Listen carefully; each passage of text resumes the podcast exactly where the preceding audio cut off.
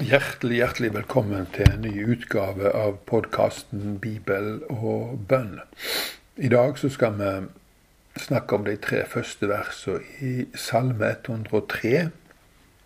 Og så skal vi be for ei øygruppe ute i Det indiske hav som heter Maldivene, eller Maldivane på nynorsk. Men først så var det altså Salme 110 vers 1-3, og der leser vi slik. Det er en salme av David. Herren sier til min Herre, sett deg ved mi høyre hand til jeg får lagt dine fiender til som skammel for dine føtter. Fra Sion retter Herren ut eh, sitt mektige septer. Eller ditt mektige septer. Du skal herske mellom dine fiender.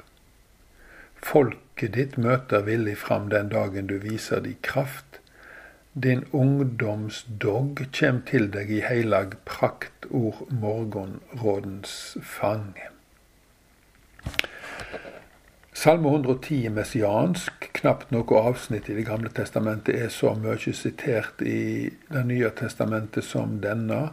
Og Jesus bruker òg denne salmen i en konfrontasjon med fariseerne og de skriftlærde i Matteus 22, eh, da han spurte de hvem er denne Davids sønn som også er Davids herre? De kunne ikke svare på det, selv om svaret sto rett framfor dem.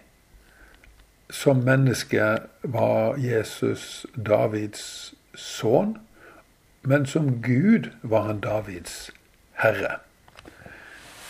Nå sitter Guds sønn ved fars høyre hånd, regjeringsplassen.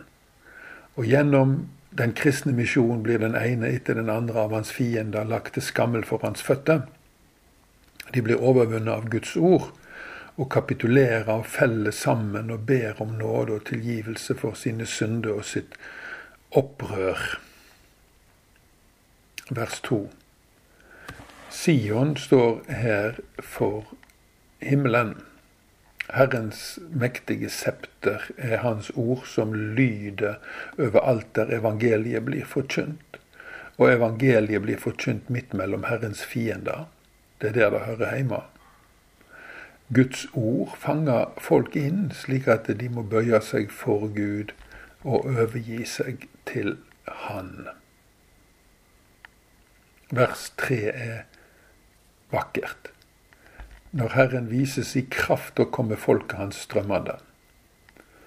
Når kirken og bedehusene i våre dager er lite besøkt, er det et symptom på mangel på Guds kraft.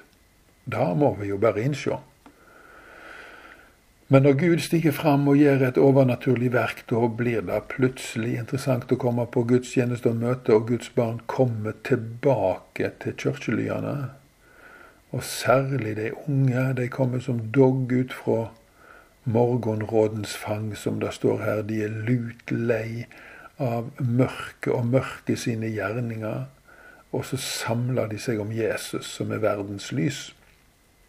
Unge mennesker er jo veldig sensitive overfor Gud. Og de fleste som blir kristne, blir det jo i unge år med, med en gang disse får teften av Gud, så legger de skjermene sine fra seg og kommer på banen for å bli elska av Han og tjene Han for resten av sine liv. Det er noe dogfriskt over unge, åndsfullte kristne. De som har kledd seg i en heilag skrud eller heilag kledning, som er Guds tilgivelse i Jesus Kristus. Når de unge blir fornya i sitt forhold til Gud, blir de veldig ivrige og optimistiske.